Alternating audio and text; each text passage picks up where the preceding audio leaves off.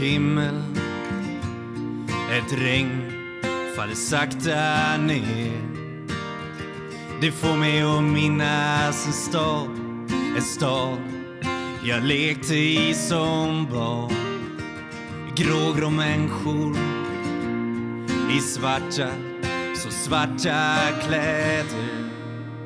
Men jag min sorglösa dag, ett vackert minne som alltid finns kvar.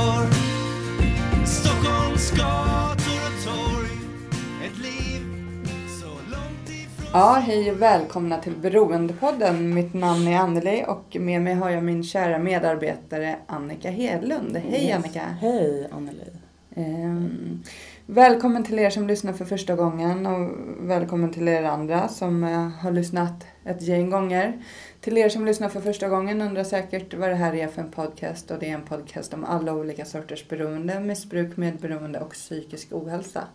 Eh, dagens avsnitt kommer handla om utmattningsdepression.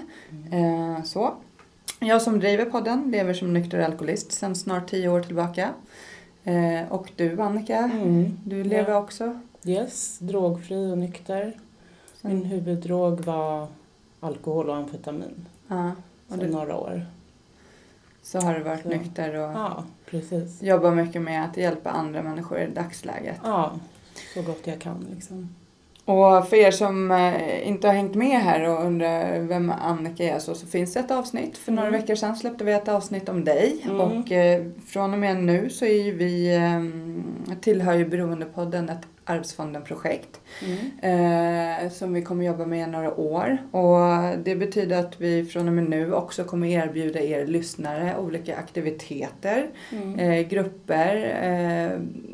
Tyvärr befinner vi oss i Stockholm just nu men vi kommer förhoppningsvis snart kunna utöka det här runt om i landet. Men för er som finns i närheten här så gå gärna in på hemsidan beroendepodden.com och kolla vad vi har. Vi har ung vuxengrupp, Running for Serenity.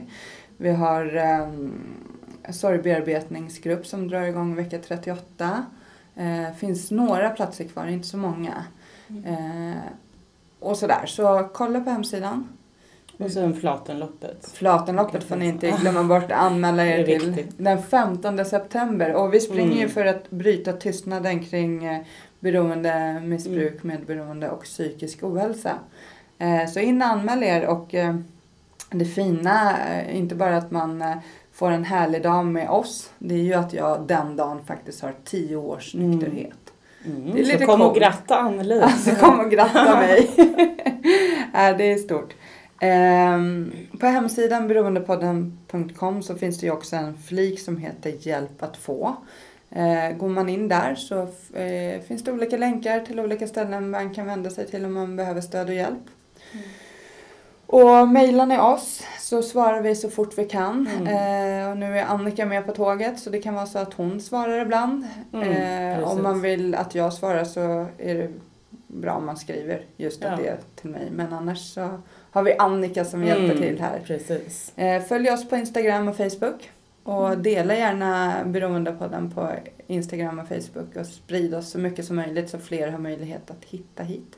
Precis. Hur eh, har sommaren varit för dig Annika innan vi släpper in Jo, den- dagens Det har gäst? varit bra. Det har varit varmt men eh, alltså det har varit fantastiskt. Mm. Och söndagarna med Löpgruppen. ja, löpgrupperna har varit jättekul, alltså verkligen. Mm, vi har ju Vi, vi har ju blivit som ett gäng där. Så här, Mm. Det kommer nya varje gång men det är vissa som kommer varje gång och det är så kul. Mm. Och sen också tisdagarna när vi kör Ung ungvuxengrupp. Ja. ja men så att det, ja mycket bad och mycket gemenskap liksom. Mm. Ja men det är att det- viktigt. Mycket möten också. Mm. Har jag gått på tolvstegsmöten eh, och så Mm. det, det har varit fantastiskt faktiskt. Du då? Hur har du haft det? Ja men som sagt det har ju varit svettigt men eh, man ska inte klaga. Jag älskar Nej, värme men nej. jag, jag, på sommaren så bor ju jag i min kolonistuga. Som, det är lite så här att är det varmt ute så blir det ännu varmare inne. Och Precis. är det kallt ute så blir det ännu kallare ut, eh, inne. Mm. Så nu när det har svängt och blivit lite kyligt ute, helt plötsligt sitter jag med raggsockor på mig inne. Så det, är- Vilket Det- är mysigt. det, ja, det är jättemysigt visserligen. Ja. Men jo, men min sommar har varit eh, superbra. Och just den här vardagsgruppen Running Ja. for Serenity som vi har dragit igång är ju, se, längtar man verkligen Ja. efter. Och vi erbjuder ju där eh, både gågrupp, gå-jogg, jogggrupp och löpgrupp så alla kan vara med. Verkligen. Precis. Och sist här i helgen då var det ju, vad var det, fyra barn också och en hund. Ja, precis. Två hundar var det. Två hundar var det till och med Ja, så hundar är välkomna och barn. Ja, så Alla. Ja, nej men vi släpper in dagens gäst och önskar alla lyssnare en fortsatt bra dag. Ja.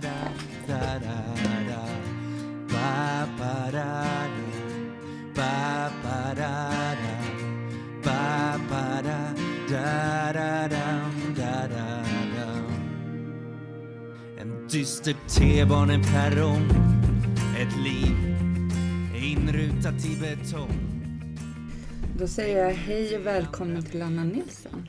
Hej, tack. Ja. Och idag ska det handla om utmattningsdepression. Ja. Något som du drabbades av för några år sedan. Mm. Mm. Och något som inte är alls ovanligt Nej.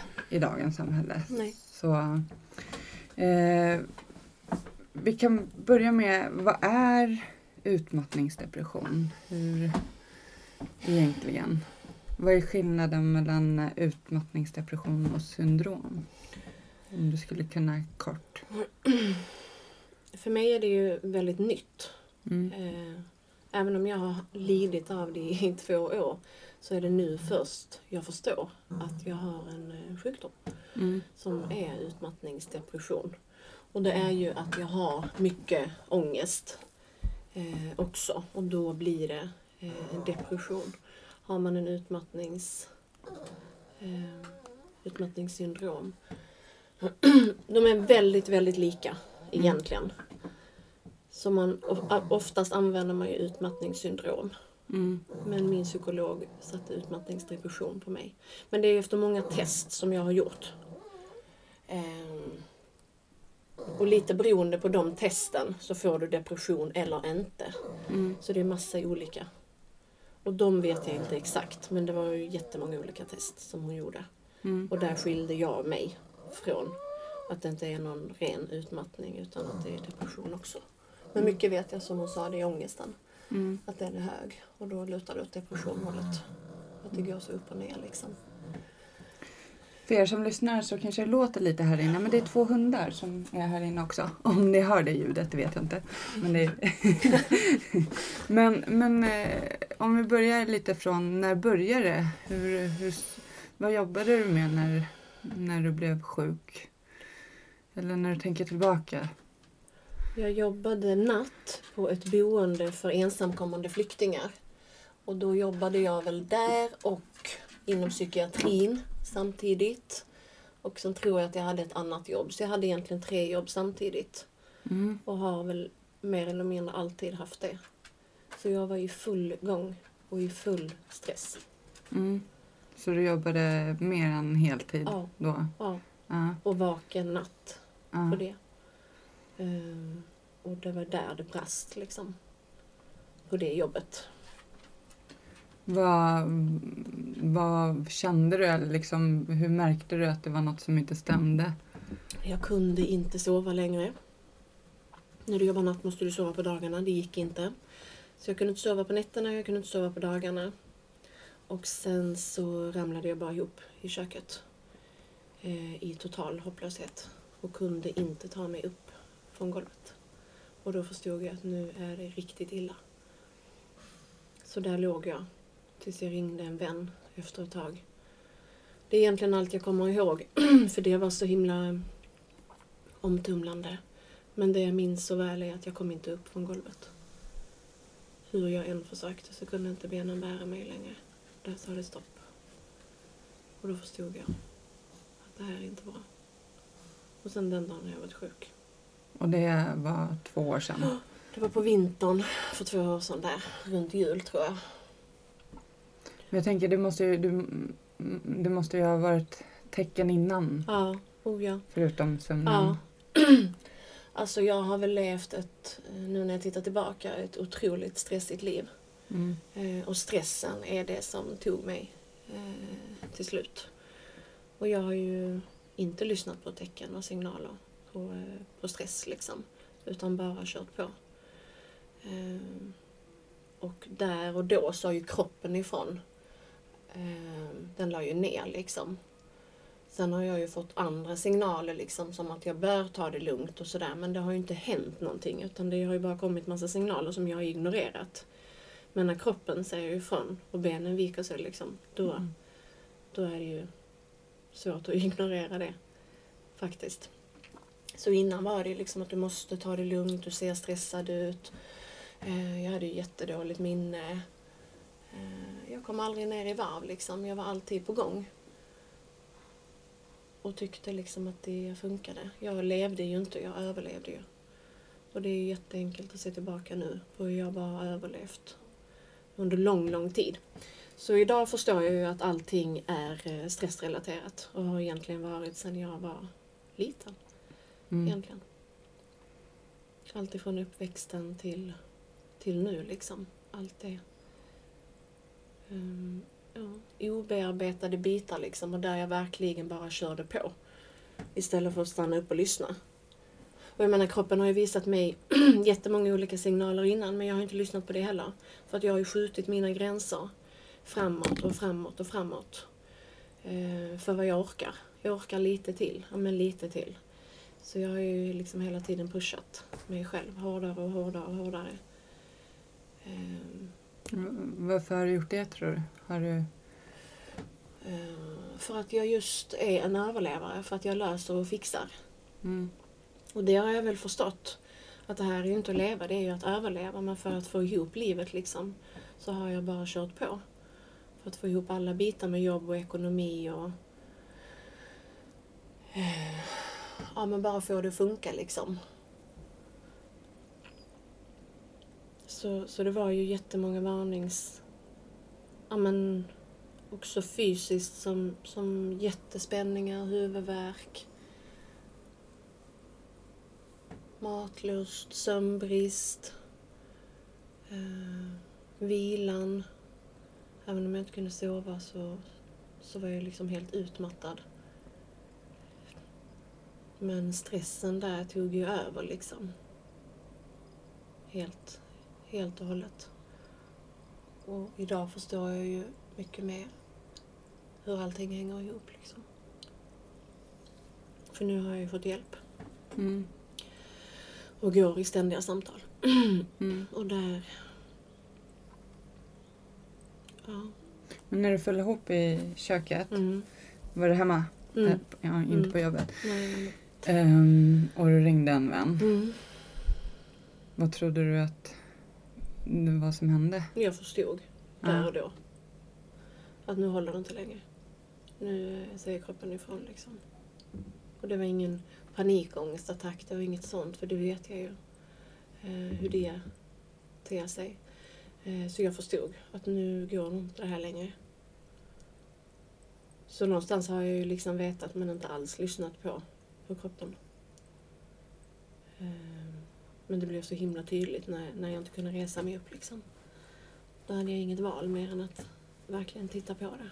Vad, vad är det här liksom? Vad gör jag mot mig själv? Så för min del så var det långvarig, långvarig stress.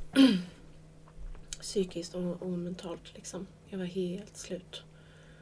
Och hjärnan bara kopplade ifrån och kopplade ner helt. Ehm, sen kan jag inte säga att jag förstod allvaret då. Det har tagit fram tills nu. Två år senare liksom, så förstår jag mitt, mitt tillstånd. Och jag har fortfarande haft jättesvårt att acceptera det. För det är så mycket jag inte kan göra. Eh, som jag alltid har kunnat gjort. Och det är en enorm sorg i att jag kan inte göra vissa saker. Vad som till exempel? Sociala sammanhang är ju ett. Ehm, jag är ju otroligt känslig. Det har jag visserligen alltid varit sedan jag född blev. Ehm, jag känner av och känner in otroligt mycket. Och det har ju inte gjort det bättre för det är, ju en stress i sig. Men eh, just de här sociala sammanhangen och, och jobb och sådär. Jag är jättefunktionell när jag gör någonting. Men när jag slappnar av efter, som när jag kommer hem efter jobbet, då är jag helt färdig. Um, har jag träffat folk så är jag helt slut efter. Jag klarar det för stunden att hålla ihop liksom. Och jag känner ju inte, mitt problem är ju att jag känner inte innan, jag känner efter. Det kommer efter. Och det är det som är så svårt att lära sig med det här. Um, jag, jag känner inte mina gränser. Jag kan inte tyda mina signaler eftersom jag under så lång tid har skjutit på dem för vad som är okej. Så, så har det ju blivit helt gränslöst liksom. Att sätta min gräns. Jag vet ju inte ens var min gräns går för jag, jag pushar mig själv till den milda grad. Att jag följer ihop liksom. Ehm, så det är svårt idag att hitta mina gränser. Ehm, jag behöver oftast gå när det är som roligast. För fem minuter efter då är jag helt slut. Och då blir återhämtningen så lång. Så jag behöver eh, korta av. Jag har begränsat hur mycket jag orkar prata, lyssna, ta in. Alla intryck blir jättemycket. Så jättemycket återhämtning hela, hela tiden. Gör jag någonting så måste jag hela tiden tänka på att få in återhämtning och vila efter. Eh, det kommer alltid som ett bakslag. Och grejen är att jag ska försöka lära mig det innan. Att vissa saker kan jag då inte göra och jag ska begränsa mig. Eh, jag kan inte åka och fredagshandla till exempel. Ibland kan jag inte åka och handla överhuvudtaget. Det faller ju väldigt mycket på min sambo att han får göra vissa saker. Eh, det beror ju på hur jag har sovit, om jag har sovit, hur mycket jag orkar och hur mycket kroppen tillåter. Den pratar ju jättetydligt nu. Och det är också ovanligt för att det har jag inte lyssnat på förut. Och nu går det från 0 till 100. Det finns ingenting däremellan för jag har ju bränt av. Eh, alltså, det är som att jag har bränt av eh, någonting uppe i huvudet liksom. Det är bränt. Så kan man uppleva det. Eller jag upplever det. Och när det blir för mycket så brinner det i mitt huvud. Det, jag kan varken ta in eller... Jag kan inte ta beslut. Jag kan inte tänka, jag kan inte få ihop bitarna liksom för att det är så paj i huvudet. Och det, och det är lite som att det brinner liksom. Det blir ingenting om någonting. Det är helt omöjligt att fatta något form av vettigt logiskt beslut i det. För att det finns, ingen, det finns ingenting att hämta. Det är helt tomt liksom. Hjärnan stänger av. För att det blir för mycket. Mm. Eh, det finns ingen kontakt alls. Och den, den räddar sig väl själv. Och, och det går jättesnabbt.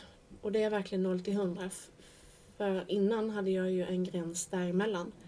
Att, ehm, men den finns inte längre. Så det är antingen eller svart eller vitt. Det finns ingenting där. Det är det jag menar att jag har bränt av. Det är mitten liksom. Mm. finns ingenting att ta av. Eh, och det är en konst att, att lära mig att leva med det. Och eh, förbereda mig innan och återhämta mig efter. Hur trevligt det än må vara eh, i sociala sammanhang eller... Jag väljer ju oftast att, att vara själv, för det Mm. blir ju för mycket. Det går ju inte. Och jag är jättesocial. Mm. Jag älskar att jobba. Eh, Jag älskar att prata och lyssna och, och allt det här. Men det går inte. För huvudet stänger ner liksom. Och det är en så stor del av vem jag är. Så vem är jag nu? Det är också sådär, vem, vem är jag i det här? Mm. Det, ehm, det håller jag också på att lära mig liksom. Men just hitta mina gränser. Och det är svårt. Jag kan inte tyda kroppens signaler ännu. Och det, jag minns inte ens när jag kunde det egentligen eftersom jag hela tiden har pushat mig själv så hårt. Så kan jag inte ens minnas tillbaka om jag någon gång egentligen har lyssnat på vad kroppen säger. Utan bara kört på mentalt sten, stenhårt liksom. Mm. Och inte alls känt in har jag gjort. Men jag har inte liksom jag har inte lyssnat. Jag har inte gjort någonting åt det. Men jag har känt det hela vägen. Men bara förnekat det. Så kan man säga. Men efter den där dagen, Mm. åkte du till sjukhuset då? Eller när benet... Det minns jag inte men jag vet att jag träffade en läkare någon gång efter det och han sjukskrev mig ju omgående. Mm. Och han förstod vad det var direkt eller? Ja, det gjorde han nog. Jag vet inte om han... Han skrev nog ingen diagnos eller någonting men jag vet att han sjukskrev mig där och då. Eh, Men efter två månader då tänkte jag att nu kan jag gå tillbaka och jobba. Mm. Och gick tillbaka. Men när han sjukskrev dig, var det liksom, var det hemma vila eller vad skulle du göra ja, liksom? ja, det var det väl. Inge, du fick ingen annan typ samtals... Nej, nej. Utan var hemma och vila Ja. och sen... Ja. Och, och egentligen har jag haft den här läkaren hela, hela tiden liksom. Genom alla år men det är först, först nu som han börjar förstå, tror jag. Också. Mm. Och när jag börjar förstå. Men då vet jag att jag sjukskrev mig, eller han gjorde det. Och att jag skulle vila och jag tänkte att det är inga problem, jag vilar lite och sen går jag tillbaka fullt i jobb. Och Mm. det gjorde jag. Det gick ju som det gick. Sen var jag tvungen att sluta på det jobbet och sen Sen har det varit liksom, jag har inte kunnat jobba 100 procent. 75, 50, 25 har det varit. Mm. Men har du ett jobb nu eller har du fortfarande tre? Nu har jag ett jobb. Nej, egentligen har jag två. Två jobb har jag. Varav ett är mer fast och det andra är mer vid behov. Men bara när jag själv känner att jag orkar och kan och vill. För jag vill inte släppa det riktigt helt. Men jag får ju välja själv, så då är det lättare. Men jag har ett, ett vanligt jobb. Och än, än så länge klarar jag det. Om jag får vila. Det är ju egentligen bara det jag klarar, att jobba Mm. när jag kommer hem eller i bilen efter. Jag håller på väldigt mycket med att skaffa strategier nu. För det är så mycket att få ihop det. Hur ska jag klara av att jobba? 75 procent är jag på nu. Eh, Jag ger allt på jobbet och när jag kommer hem. Eh, Jag pratar med min psykolog om det och tar i handtaget så är jag så fruktansvärt eh, arg innan jag ens har kommit in liksom. Eh, För jag är helt slut. Det finns ingenting. Jag har bränt hela batteriet liksom på Mm. jobbet. Så jag vill ju inte att någon ska prata med mig överhuvudtaget för jag kan inte ta in någonting. Och jag har inte riktigt förstått varför jag är så arg när jag är hemma. Mm. Jag är jättearg, irriterad. Ehm, och låt mig bara vara liksom. Det ska helst vara jättetyst också. Och då är ju min dagsranson, den är ju helt slut. Och det har ju, jag har ju varit jätteledsen för det. Varför är jag så himla arg hemma? Varför kan jag inte bara slappna av? Men jag är ju helt slut har jag förstått. Mm. För jag gav ju allt på jobbet den dagen. Så kommer jag hem. Så det är mycket mm, lägga pussel och fixa ordningsstrategier för att kunna ha en vardag. För jag vill kunna jobba 75 procent. Så strategier och sätta gränser, där är jag just nu.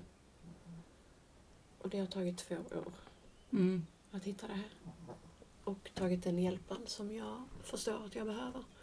Och någonstans acceptera att jag är sjuk. För mig är det svårt att acceptera det för att jag vill inte gå och tänka på att jag är sjuk. Men om jag inte tänker på att jag är sjuk då kör jag också på i 110 och glömmer att jag är sjuk. Mm. Eh, och då blir jag jättemycket sjukare. Och då kommer det, ja då, får jag, då är jag sängliggande i två dygn liksom. För då kommer jag inte upp ur sängen. Eh, så jag måste försöka hitta en balans, eller jag gör det nu. Att jag har det här och eh, jag är begränsad att vissa saker kan jag inte göra. Men jag vill inte hela tiden gå och tänka på att jag är sjuk. Utan jag kämpar ju på och ser ja, men positivt på det. Men att jag lär mig att hantera det liksom. Och att acceptera det. Framför allt. Det är tufft att ha ett motstånd i det. Mm. För då blir det jättetunggjobbat. För det är så långt ifrån mig själv liksom. Jag vet ju inte vem jag är som sagt i den här sjukdomen. Det är så nytt. Ja, jag kan tänka mig att det är också just det här om, om du har jobbat så mycket som du Mm. har gjort också, tre jobb och så helt plötsligt funkar inte. Det måste ju vara en jättesorg Mm. och också det här med att vem är jag i det här och Mm. Men du har fått eh, viss stöd och hjälp under de här två åren. Ja, det har jag. Vad är det, är det något speciell hjälp då? Egentligen är det först nu som jag valde att gå till en psykolog. Mm. Ehm, för jag vill in på stressmottagningen i Stockholm. Men för att komma dit och ingå i deras program så måste man göra vissa saker på hemmaplan. Och då måste du börja liksom i din egen stad. Eh, Mm. inom vården där liksom. Ehm, Så nu har jag en bra psykolog och hon hjälper mig. Så nu är det ett team kopplat runt mig med massa olika kuratorer, psykologer, sjukgymnast, läkare. Eh, Så ingår jag i ett program här hemma först för, för att få komma till Stockholm.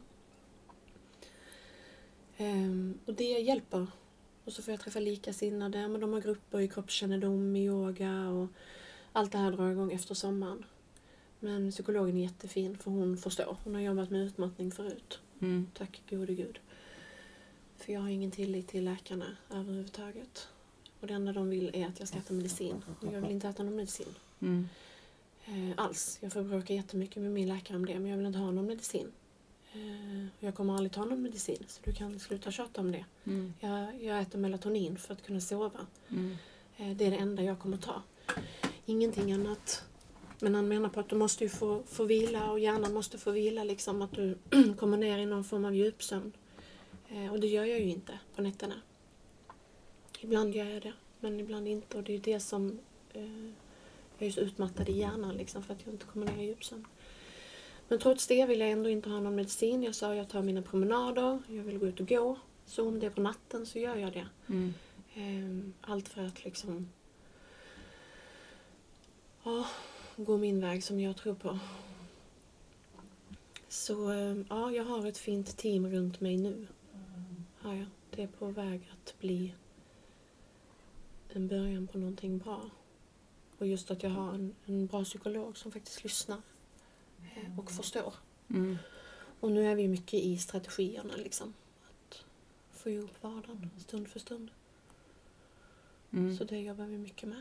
Är det mycket planering då? Mm, Jag har ett schema eh, för varje vecka, Mm. stund för stund. Eh, Så du vet när du ska handla? Precis. Ja. alla liksom aktiviteter. Egentligen så ska jag skriva för hela veckan och då kan det bli så mycket på det här schemat. När Mm. jag tittar på det så, så blir ju det en stress. Ja. Bara det. Mm. Men det är en poäng lite med det också för att då ser jag vad jag behöver ta bort Mm. eh, och lägga till. Plus och minus. Vad är det som ger och vad är det som tar? Mm. Så att ha det här schemat är bra. Jag har också bett min sambo att skriva ett schema för han. Eh, För det minskar också min stress. Och veta hur hans dagar ser ut och vad Mm. han tänker. För jag blir inte bara stressad för min egen skull, jag blir stressad för, för allt.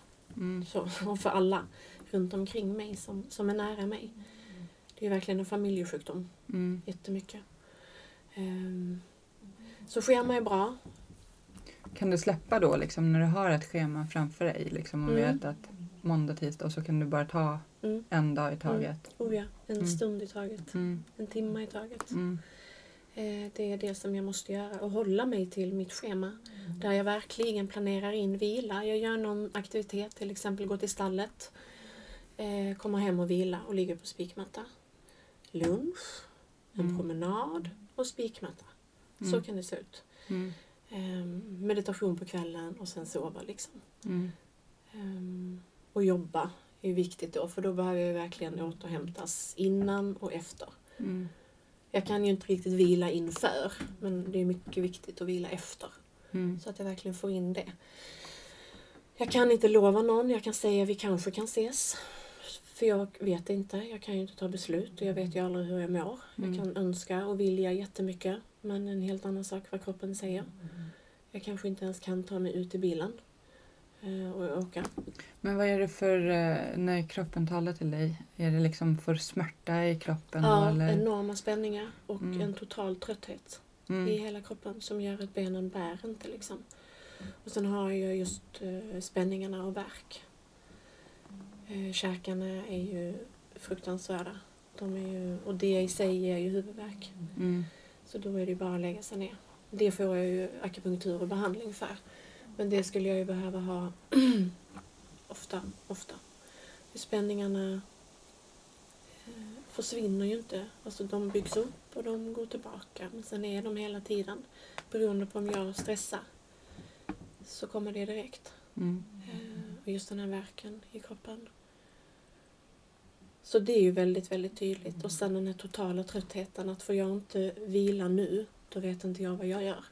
För jag måste vila nu. Och då får jag släppa allting jag håller liksom. För då, jag måste bara vila. Det finns ingenting annat. Mm. Och, och då gör jag ju det. Och det är ju pyssligt att försöka få ihop för de här attackerna kan ju komma på jobbet också. Och då måste jag lägga mig ner och blunda. Det räcker med 20 minuter. Men jag måste få koppla ner hjärnan en stund för då är den på väg att brinna upp. Helt enkelt. Mm. Då är den helt överbelastad av intryck. Hur, hur känner du på jobbet? Har du fått eh, förståelse? Och... Jag har inte sagt någonting. Nej, okej. Mm. Så de vet inte? Nej. Inte ännu. Jag har valt att inte göra det. Jag ville testa lite först och se hur det känns. Mm. Jag fick gå in på timme och sen får jag gå in på en rad. Jag vill inte ha någon fast tjänst just nu. Mm. Utan jag vill prova mig fram. Eh, jag har en till på jobbet som vet. Men det syns inte utanpå hur det Mm. känns inuti. Mm. Eh, så det är ingen som vet. Det är garanterat ingen som märker. Mm. Eftersom jag är så jävla driftig när jag väl gör någonting. Mm. Så eh, syns det inte. Jag är helt funktionell. Mm. Men eh, jag sitter på toa och blundar. Mm. Eh, när det inte... Ja, men om jag ska få till en vila så kan jag behöva sitta lite längre på toaletten och bara blunda på golvet liksom. Man får hitta sina knep. Mm. Men det får inte bli för mycket så heller. Eh, men det gör jag oftast för att få lite lugn och tyst. Då är toaletten jättebra. Bara få, få släcka ner och få lite mörker och tyst. Sen går det bra. kan jag gå ut igen. Mm. Så jag, man lär sig strategier även där för hur man ska klara en jobbdag eh, när det är tufft. Mm. Har jag sovit dåligt så vet jag att det här kan bli en tuff dag. Men så fort jag sätter mig i bilen och slappnar av, då är det slut. På hela mig själv liksom. Då finns det inte mycket kvar. Det räcker ju inte till tills jag kommer hem. Och då eh, har vi strategier för det. Jag behöver ju egentligen bara gå och säga hej och gå upp och lyssna på min avslappning. Eh, för att sen vara någorlunda okej och möta familjen. Och allt vad det innebär. Med ljud och allt. Mm. Jätteljudkänslig och ljuskänslig. Eh, är. Pratar någon samtidigt så tappar jag ju fokus. Jag kan bara hålla en boll i luften, knappt det. Eh, allt det här sålet, det går ju inte. Jag blir helt slut. Och det är små grejer. Det var som i bilen när vi åkte hit så, så satt vi och pratade och så, och så öppnade Maria en godispåse och prasslade. Mm. Och det här prasslet, det gjorde att jag tappade hela tråden på vad jag precis pratade om. Och jag kunde inte ta upp den igen, för, för den försvann liksom. Av att hon bara störde eh, med något litet ljud. Så, så det är superkänsligt. Sådana där konstiga grejer kan det vara. Eh, men sen klarar jag andra sammanhang hyfsat bra. Men det var som hon sa, är du ledig på måndag nu? Nej, det är jag ju inte. Och jag vet ju att jag behöver vara ledig två dagar efter att jag har gjort någonting på en helg. Mm. För den första dagen, då är jag helt slut. Då behöver jag nästan sova hela den dagen. Och den andra dagen därefter, då är, har jag ont av spänningar. Så då måste jag ta det lugnt för det. Och sen är jag lite mer i fas den tredje dagen. Så att alltid planera in när jag har gjort någonting. Eh, En, två dagar efter, då är det vila. Och då ska schemat vara ganska tomt. Mm. Förutom promenader och, och det här. Som, som jag mår bra av. Så... Ja. Men utmattningsdepression, det är mycket, eh, om man jämför det med syndrom, att du har mycket ångest. Mm. Har du det fortfarande eller var det en period? Nej, det har jag egentligen haft sedan jag var liten. Men den, den blommade väl ut när jag var 20 år. Och där och då började också min personliga resa, när jag var 20 år. Mm. Eh, Den slog till ganska hårt. Eh, Jättemycket ångest och panikångest. Mm. Eh, Mycket existentiella frågor. Ska jag leva? Ska jag dö? Djupa funderingar. Mm. Och med det kom ångesten. Och sen har jag lärt mig leva med ångest. Eh, inte med panikångest, den kommer när den kommer och försvinner när den försvinner. Liksom. Men det har jag inte lika mycket nu. Men den här ångesten, den andra ångesten, den eh, är ju... Jätte- Något du känner av dagligen? Eller? Ja, mer eller mindre. Men som sagt, jag har lärt mig att leva med den Mm. och gjort den som till, till en vän. Liksom. Jag är inte lika rädd för den idag. Slår den till så blir jag inte lika förlamad. Mm. Ehm, slår panikångesten till, ja då blir jag förlamad. För det blir så väldigt hopplöst. Då tappar jag hela konceptet liksom. Då faller allting. Då blir det mörkt. Mm. Då blir det riktigt mörkt. Eh, och så får jag bara vänta ut det. Och tänka att det, det här varar inte för evigt. Det blir bättre, det är föränderligt. Men det blir så väldigt hopplöst. Och det är väl också det min, min läkare och psykolog såg, att jag dippar hårt i hopplöshet och förtvivlan framförallt. Jättemycket förtvivlan. Eller ja, förtvivlan och frågor liksom, ska det vara så här? Eh, känslorna blir så förstärkta på något vis. Och sen är jag så fruktansvärt utmattad så då blir jag så ledsen för det. Mm. Och då känns det så hopplöst. Eh, för jag har ingen ork. Och ehm, ja, där går jag väl ner i den här dippen. Och det är nytt för mig. Att jag har en utmattningsdepression. Är konstigt. för jag vet knappt vad depression är. Men jag förstår att Ja, jag låg hemma häromdagen och kände ingenting. Jag tittar på allting som är fint, men jag känner ingenting. Jag har ingen koppling, eh, ingen kontakt. Det är bara helt som det är. Det är helt tomt. Jag kan lika bra sitta och stirra rakt in i väggen. Mm. För det gör ingenting i alla fall. För jag, jag, gör ju, jag stirrar ju på allting annat.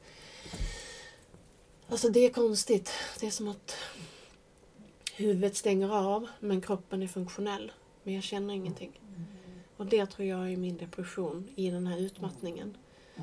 Ehm, Det är som att huvudet helt stänger ner.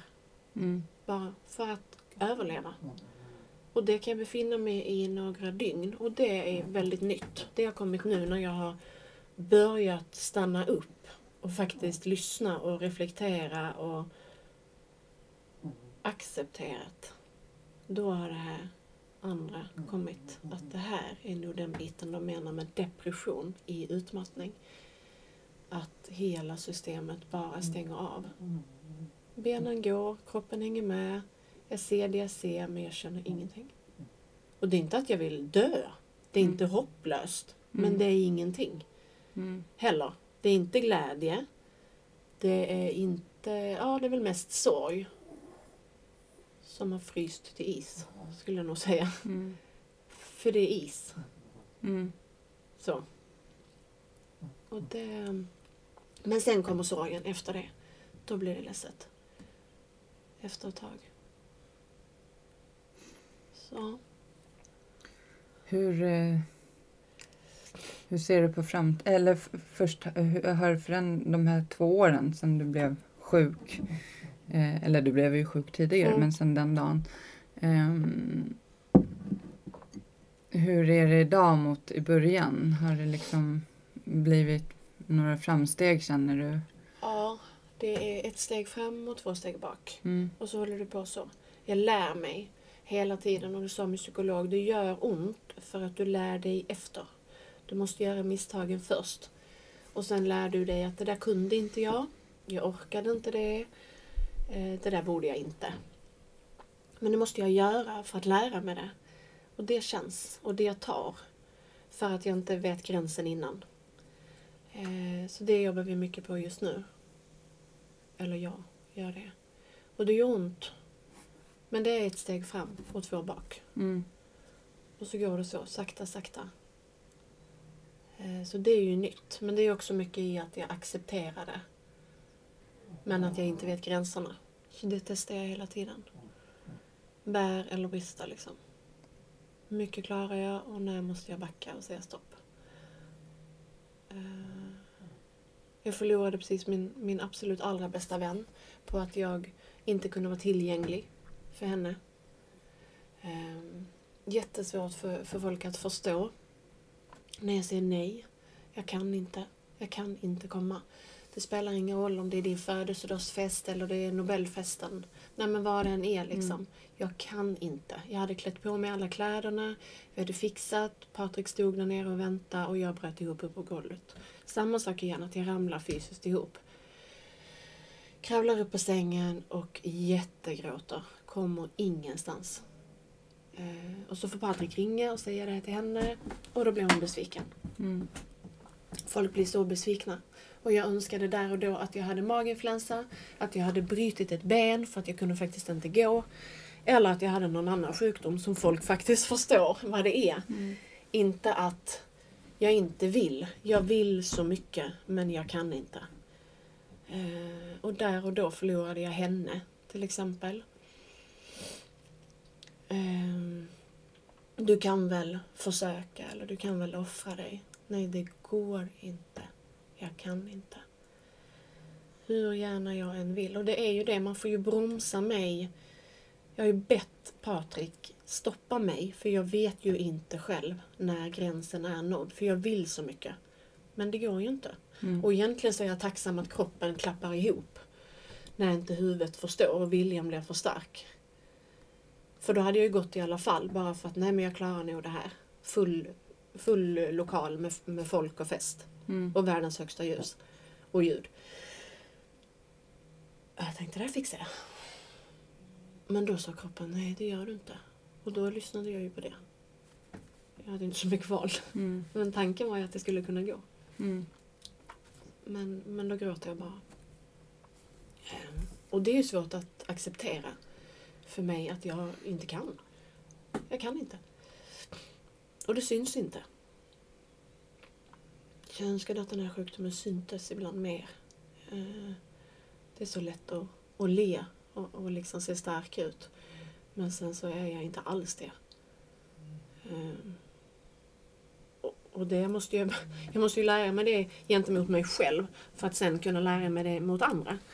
Och stå stark i det. Liksom. Jag blir fortfarande jätteledsen när jag måste säga nej Mm. till folk eller familj. Och min familj förstår ju inte ens det här själv. Ehm, Så det är också väldigt konstigt. Allting med det här är konstigt, kan jag känna. Eh, Även fast jag förstår till viss del.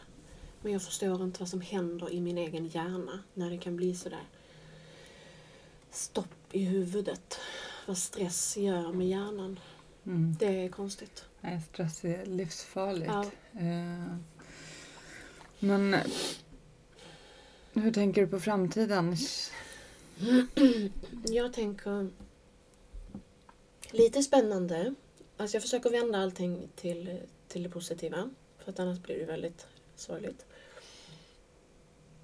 Och det blir ju någonting nytt. Det kommer ju någonting nytt ur det här. Och jag, jag blir någonting nytt. Mm. Och det kan jag tycka är lite spännande för att jag tyckte ju inte om mig själv eh, förut. Eh, Det var ju bara massa stress och, och liksom, ja, men det var ju ingen egen kärlek och köra över mig själv till den milda grad som jag gjorde. Liksom. Jag tog ju inte hand om mig. Och det var ju jättesorgligt. Så nu tänker jag att jag har chansen att verkligen lyssna in och ta hand om mig. Och det Mm. ser jag som fint. På riktigt, inifrån och ut. Eh, oberoende av allt, allt och alla andra. Så det ser jag ändå som en utmaning att trampa upp en ny stig. Lära känna mig själv. Eh, Jag är helt övertygad att någonting gott kommer ur denna sjukdom. Så är det ju. Och det är väldigt fint att få vara i nuet. För det är faktiskt allt jag kan. Jag har jättesvårt att vara någon annanstans. För Mm. sjukdomen tvingar mig in i nuet. Mm. Jag har inget val. Och acceptera det eller göra motstånd. Och gör jag motstånd så slåss jag mot någonting som jag ändå inte kan vinna. Och accepterar jag det så är jag i nuet och då blir det ganska bra. Så det känns ändå fint. Men med hjälp av bra människor och de här strategierna och stund för stund, då finns det hopp. Ehm, Jättemycket hopp, Mm. tänker jag. Jättemycket erfarenhet i det här liksom. Men vad säger man, kan man bli helt återställd? Det tror Mm. jag inte. Nej, Nej. för det har blivit en liksom, hjärnskada i... Mm. Eh, Det är det de menar på, att det blir ju verkligen som en hjärnskada. Mm. För du bränner upp och bränner av det som, som ska vara där. Mm. Jag vet inte exakt vad det heter. Mm. Men, men min psykolog och läkare förklarade det att det är förstört. Det är Mm. liksom bränt. Mm. Och därav när jag säger 0 till 100, för det finns inget mellanting. För Det är Mm. det jag brände av. Och jag tror aldrig man kan laga det. Jag får lära mig att leva med det och det är som att leva med någon, ja men som hjärnskada kan man ju se det ju. Det är så ofunktionellt, jag får inte ihop bitarna, det funkar ju inte. Men det är ju för att det är ju förstört. Mm. Jag kan ju inte laga det. Så hur mycket jag än med vilja vill, vill få till det, eh, för det har ju funkat förut, så finns det ju inte kvar där längre. Så det blir ju ett handikapp eh, som jag får lära mig att leva med. Tänker jag. Mm. Jag kommer aldrig kunna gå tillbaka till, till det jag har varit. För den stressnivån, den tog ju nästan livet av mig. Liksom. Och det stressar ju mitt system något fruktansvärt. Jag känner ju rent kroppsligt, alltså jag känner ju mina organ på insidan. Hur Mm. de får jobba. Jag har jättemycket problem med sköldkörteln som jag nu medicineras för. Mm. Mina binjurar är helt paj. Eh, där har jag en annan jättebra terapeut som hjälper mig eh, naturligt med det. För jag har skyhöga värden och är superstressad. Och de här stackars organen får jobba ihjäl sig. Och jag känner ju verkligen hur kroppen kämpar och kämpar. Och det, ja det är hemskt. Min lilla kropp liksom Mm. får kämpa så hårt. Så det har jag också tagit hjälp parallellt. Eh, Det är jätteviktigt. För han sa det, du, du kommer leva till du är 53 liksom. Sen, sen orkar inte din kropp längre. Mm. För så, så ansatt har det varit under så lång tid. Så nej, jag kommer aldrig bli bra. Men jag kan ju bli bra i, i det nya liksom.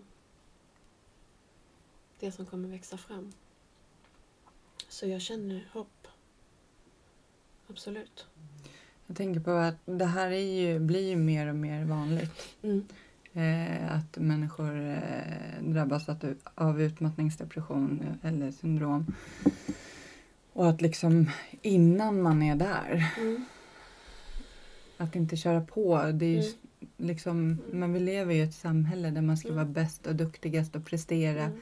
på, både på jobb och Mm. eh, på fritiden och som mamma Mm. och som allt liksom så ska man...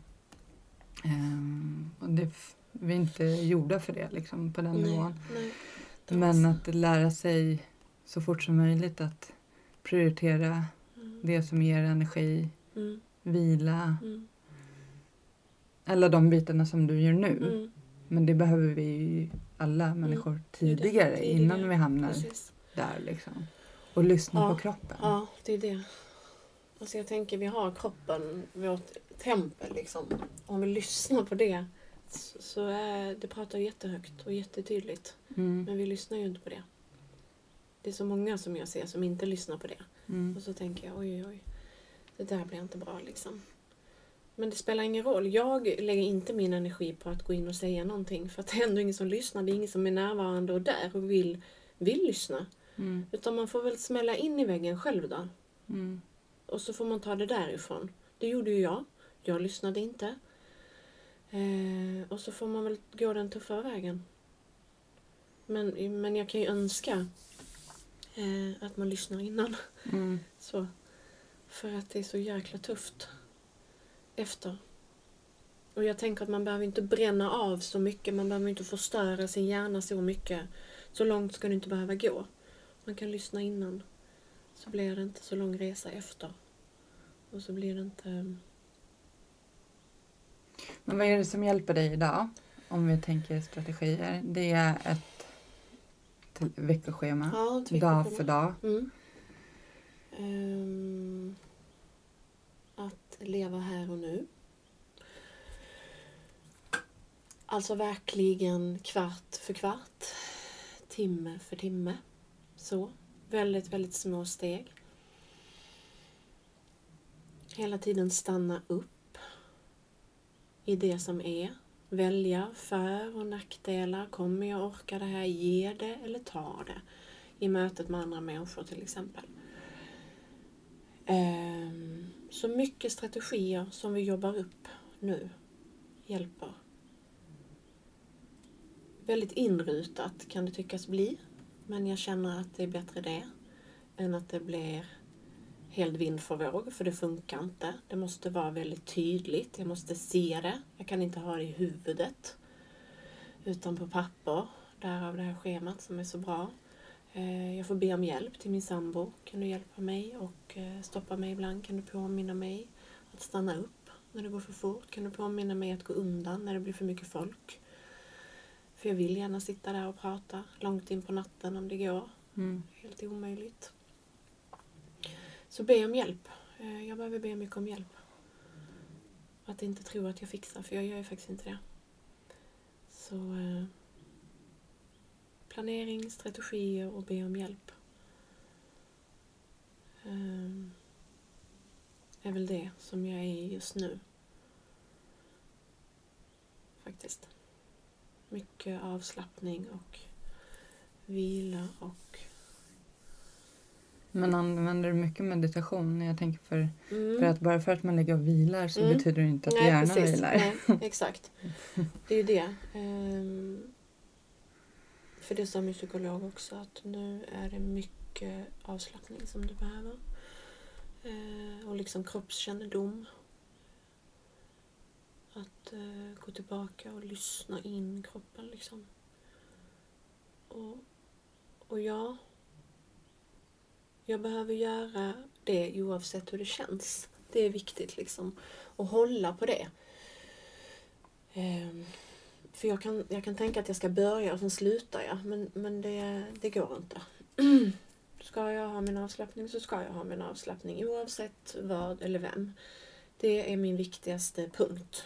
Mm. Eh, Man kan inte rucka på det. Jag kan inte göra det. Står det på mitt schema, då är det på mitt schema. Eh, Det kanske kommer någonting som är väldigt mycket roligare, men det spelar ingen roll. Jag måste planera in liksom. Nu ska jag hem och ha avslappning i en halvtimme först. Sen får vi se. Mm. Så. Sen får vi se. Det är också en sak. Mina vänner säger vi kan inte räkna med dig men vi hoppas att du kan. Så. Det finns inget, även om jag säger ja så kan det väldigt snabbt bli ett nej. Mm. Och det är, det är tufft. Det är tufft att vara någon som man inte kan räkna med. Det är inte, det tycker inte jag om. Men så är det nu eftersom jag kan inte ens räkna med mig själv. Eh, eftersom jag inte känner mig själv ännu. Ehm, så ja, struktur, rutiner,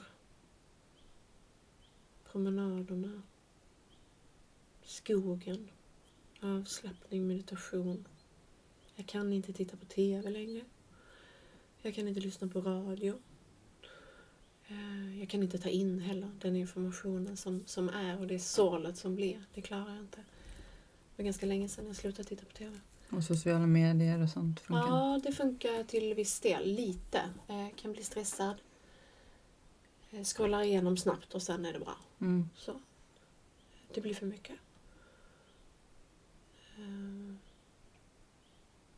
ja. Platser, vissa platser kan jag ju inte åka till. Alltså jag hänger ju gärna mest i skogen. Mm. Ska jag åka upp på stan så är det jättetufft för mig. Att gå på stan. Eh, Det är ingen höjdare alls. Och i affärer kan man ju ha öronproppar. Man kan lyssna på eh, lugn musik. Alltså så. Små, Mm. små grejer som faktiskt underlättar för saker som jag kanske behöver göra. Måste jag gå in och handla så, så kan jag ju plugga in öronproppar. Så dämpas det lite. Mm. Så att jag inte måste springa ut ur affären i panik liksom, för att det här gick inte.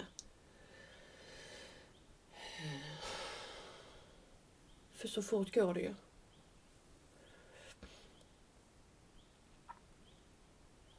Ja. Ja. Jag är jätteglad att du eh, ville dela med dig av din historia. Tack.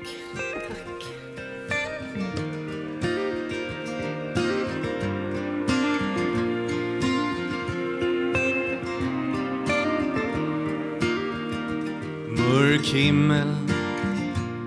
Ett regn faller sakta ner. Det får mig att minnas en stad En stad jag lekte i som barn. Grågrå människor i svarta, så svarta kläder. Men jag min sorglösa dag, ett vackert minne som alltid finns. Kvar.